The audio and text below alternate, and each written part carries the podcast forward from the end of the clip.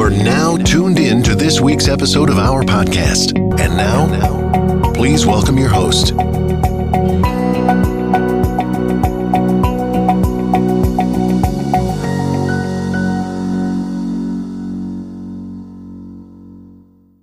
Okay, let me Welcome. Um, how are you, Tom?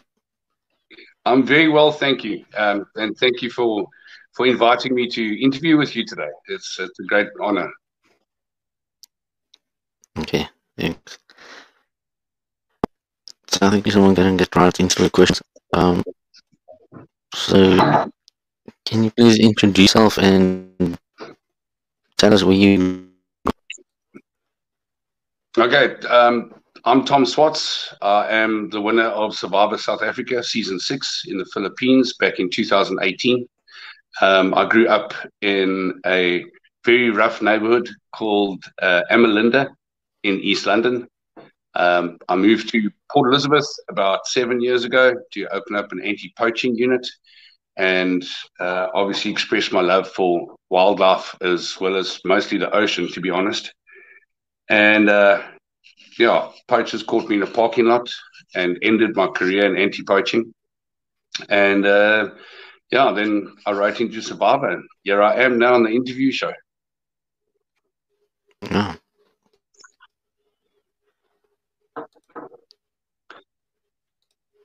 And then, yeah, and um, why did you write in for Survivor?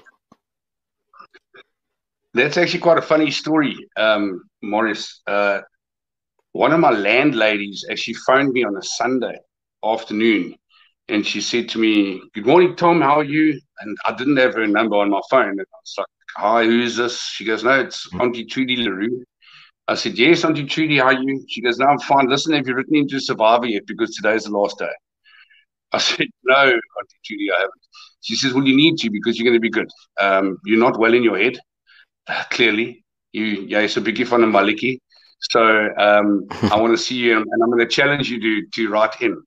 So I put the phone down, and my wife said to me, "Who was that?" I said, "No, that was Trudy LaRue. You won't believe it, our ex landlady." She says, "Oh my gosh, do we owe her money?" I said, "No, it's actually the one person we don't owe any money to." She says, um, "I was writing to Survivor." My wife says, "Well, let's do it. Come on, let, let's let's get it done." I was like, you know, why not? Um, I love being outside. I love being in the outdoors. I love being in nature. And I am a bit of a prepper.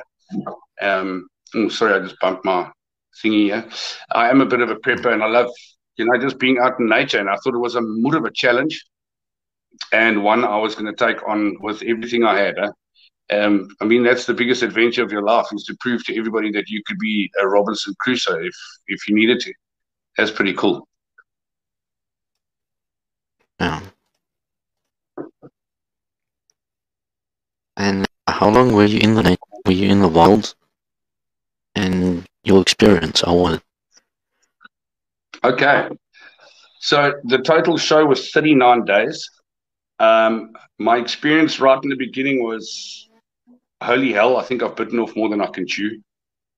Um, I don't think I was quite prepared for for the severity the size of the show that I was involved in. I mean, it's massive. The camera crew were 200 plus. Um, it was it was like a massive wow factor for me. Like, do I really know what I'm doing here? Um, I'm going to get sent home on the, on day one. You know, I'm out of here, and um, yeah, then I sort of started playing the game.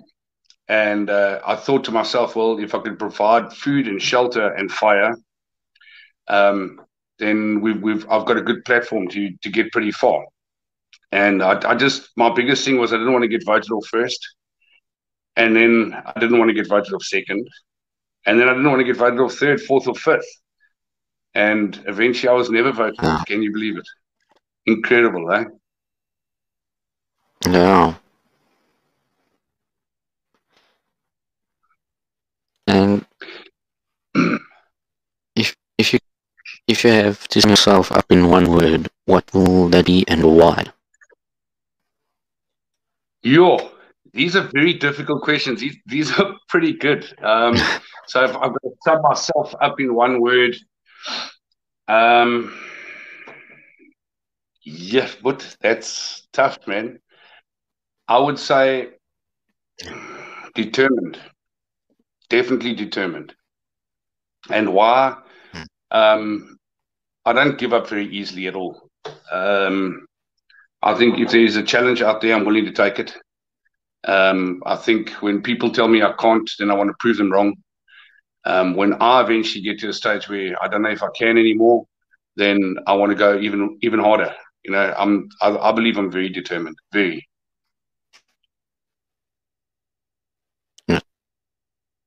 Then, what message do you have for others out Only you can tell yourself when you're done. Nobody else can. Nobody else can say, "Okay, you finished now. You time to sit down. Um, your time's over. You'll never be that person. You can't get it right." Nobody can do it except you. And the only time that you ever ex- will be that person is when you accept what they say. Don't accept what anybody says about you. Um, you know yourself better than anybody else does. Um, you tougher than you think. You're not made out of glass. You can handle whatever this world has to throw at you, and only you can. Yes. What did you um, and then what did you learn out of the whole survivor experience? Well, I learned that I was tougher than I thought, um, which, which I believe I'm quite tough. Um, you know, I'm not, I'm not a softie by no means, but um, I'm even tougher than I expected. Um, there's a lot more in me. That you know, like one of my hashtags is hashtag I'm not done yet. This is just a beginning for me, and I think Survivor was also a beginning for me for something bigger, something better. Um, it was a, a an opening experience for me to show me that I do have a message for others and I just need a platform to be heard.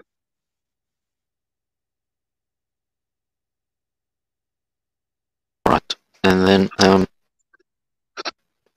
will you will you do it again? You can? Well, Mr. Interview Show, if they phoned me now, I probably wouldn't even say goodbye to you. I would be on the next plane out of here. Um, my wife and then know that if Survivor had to phone me and say, listen, yeah, you got to leave now, I'd phone her from the airport, say, listen, I've got the clothes on my back, I'm out of here, cheers. I did in a heartbeat, in a heartbeat. I loved every minute of it, every minute. All right. Um, yeah. And also, I was actually wondering, how did you start the fire? you boss. I don't know. the fire. Very nice. Well done. Um, okay, so the running joke in our house is that if somebody wants to come and braai our house, they've got to tell us on Tuesday because I might get the fire lit by Saturday.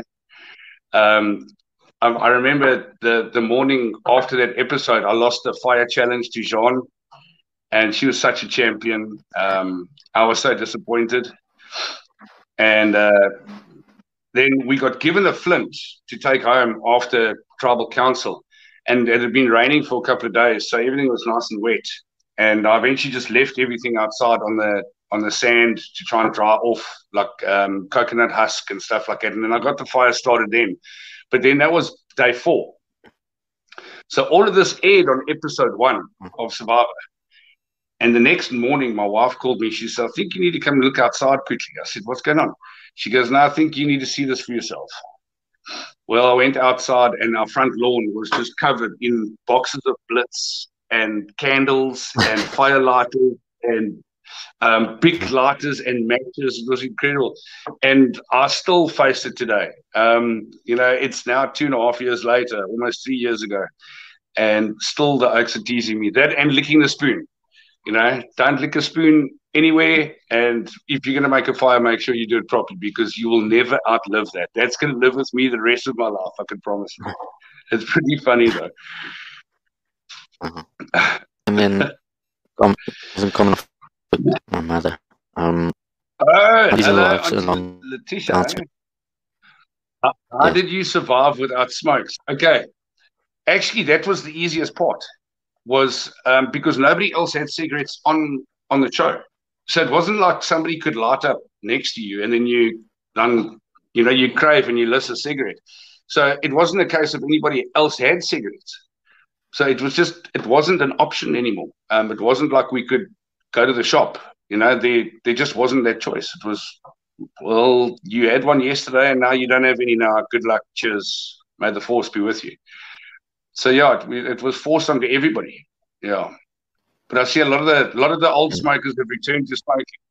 Just by the way.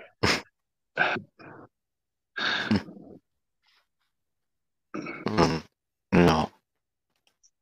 I don't know if there's any other questions, maybe from me. From me, well, firstly, I want to say congratulations on your show. I've been watching one or two of them. Obviously, once you guys contacted me, I did a little bit of research, and yeah, this is a good initiative, man. Well done. Keep it up. Keep it up. Uh, yeah. Thank you. You're welcome. Yeah, that's that's that. Fantastic. Yeah.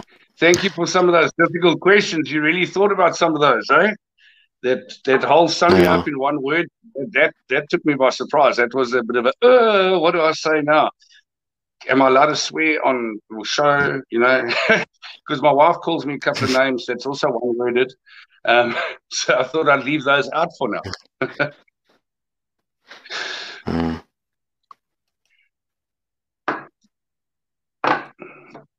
yeah. All right. So then that will be all from me. Um, thank you for joining. You're very welcome, Um, and good luck with the rest of your show. I'm loving it. All right. Thank you very much. Cheers, guys. Bye bye.